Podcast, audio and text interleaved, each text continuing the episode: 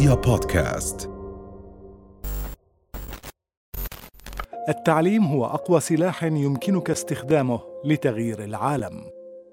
نيلسون مانديلا من وظائف العقل الأساسية طبعا هي التعلم وليس فقط من خلال استخدام الذاكرة أو تراكم المعرفة ولكن القدرة على التفكير بوضوح وبعقلية بعيدة عن الأوهام. لا يوجد تعليم حقيقي إذا كانت الأفكار تنبع من الاستنتاجات. مجرد أنك تحصل على معلومات أو معرفة هذا ليس تعليم. التعلم ممكن فقط عندما لا يكون هناك إكراه من أي نوع أو من خلال التأثير أو التعلق العاطفي أو التهديد. وفي بعض الأحيان المكافأة. التعلم يعني حب فعل شيء لنفسه على حسب ما قال كريشنامورتي. أعتقد أن حظوظنا وفرصنا نحو معرفة أفضل وأوسع هي أكبر من حظوظ وفرص أكبر العلماء اللي سمعنا عنهم كنيوتن وأينشتاين وغيرهم. بتلك الفترة هؤلاء العلماء أخذوا على عاتقهم مخاطر فكرية. حتى افتراضاتهم بالبداية كانت تستند على الحدس والتعصب الشخصي لأفكارهم. ومع ذلك استطاعوا من خلال إيمانهم بما يملكون من مصادر بسيطة وأدوات معرفية وتكنولوجيا متواضعة بأن هناك شيء ما يستحق أن يعرفوه ويعرفه الجميع. لهيك كل شخص اليوم يعمل في مجال النهوض بالمعارف ويريد أن يتجاوز ما هو معروف هو أكثر حظ لأنه يعيش في هذا العصر المليء بهذا الفائض المعرفي.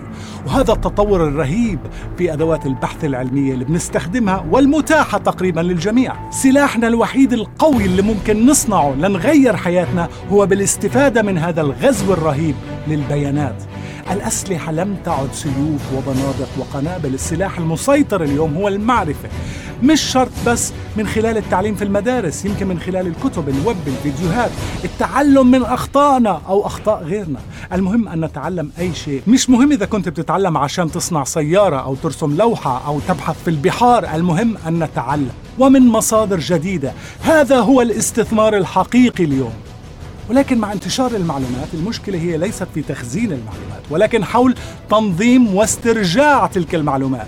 الدماغ البشري عنده قدرة عظيمة في تخزين البيانات لكن التحدي هو استدعاء الأشياء المناسبة في الوقت المناسب وأن لا تشتت ذهنك بالأشياء الغير نافعة.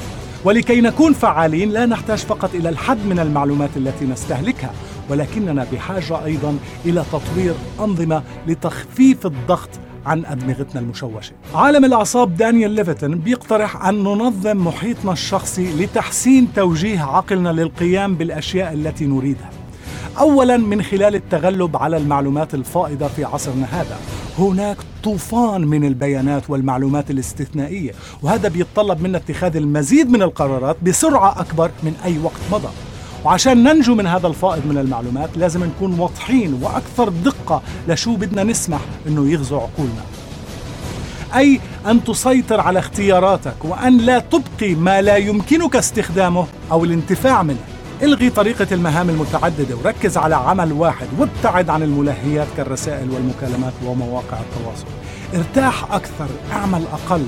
عجز النوم هو قاتل للأداء والفعالية ومن المعروف أنه جهاز المناعة أيضا يعاني من قلة النوم وأفكارنا بتضعف وأحكامنا على الأشياء كمان بتضعف. أثبت علماء الأعصاب أن الدماغ البشري جيد بالعمل والتفكير بطريقة التصنيف. إنتاجيتك وكفاءتك معتمدة على الأنظمة اللي بتساعدك على التنظيم من خلال أسلوب التصنيف. بعدها تبدأ تبحث عن الطريقة اللي بدك تطلع فيها هذه الأفكار وهذه المعرفة بطلاقة ذهنية أو ما يسمى بال flow state. أن تكون متوحد مع كل الأمور التي تقوم بها بتركيز تام على مستوى الاستفراغ المطلق. خلال هذا الشعور الرائع تكون في قمة قدراتك ويكون الفهم والاستيعاب في أقصى درجاتهم بتعيش حالة غريبة من النشوة والصفاء الذهني التي قد تصل في نهاية الأمر لإبداع إنساني من نوع فريد. التدفق الذهني يمر في أربعة مراحل. أولا المعاناة. هي الخطوة الصعبة التي تتمثل أساسا في سعيك المستمر وراء الشيء الذي تريد تقديمه. في هذه المرحلة تكون بصدد تحميل كم هائل من المعلومات داخل الدماغ حول الموضوع اللي مهتم فيه ومركز فيه حتى يصل لمرحلة ما قبل الانفجار. بعدها تقوم بالاسترخاء. تأخذ عقلك خارج المشكلة تماما عن طريق ممارسة الرياضة مثلا أو المشي عشان تعطي مجال للاوعي أنه ياخذ مكان الوعي. بعدها بيجي التدفق أو مرحلة السوبرمان. فيها بيستحوذ الإلهام على كل شيء. هون بتبلش المعاناة والاسترخاء في المرحلتين السابقتين يعبروا عن نفسهم بطريقة سحرية. وبعدها تيجي مرحلة التماسك. تتضاعف فيها قدرة الذاكرة والتعلم بشكل دراماتيكي من المهم أن نعرف أن الإنسان الذي يراكم المعلومات وفقط لا يمكن أبدا أن يتعلم. أن تتعلم أنت بحاجة إلى عقل نشط وطواق غير ملزوم بمعرفة سابقة. عقل لا ينتمي إلى أي شيء لا يقتصر على أي مجال بعينه. المعرفة حركة ديناميكية لا تتوقف لا بداية لها ولا نهاية. سلام.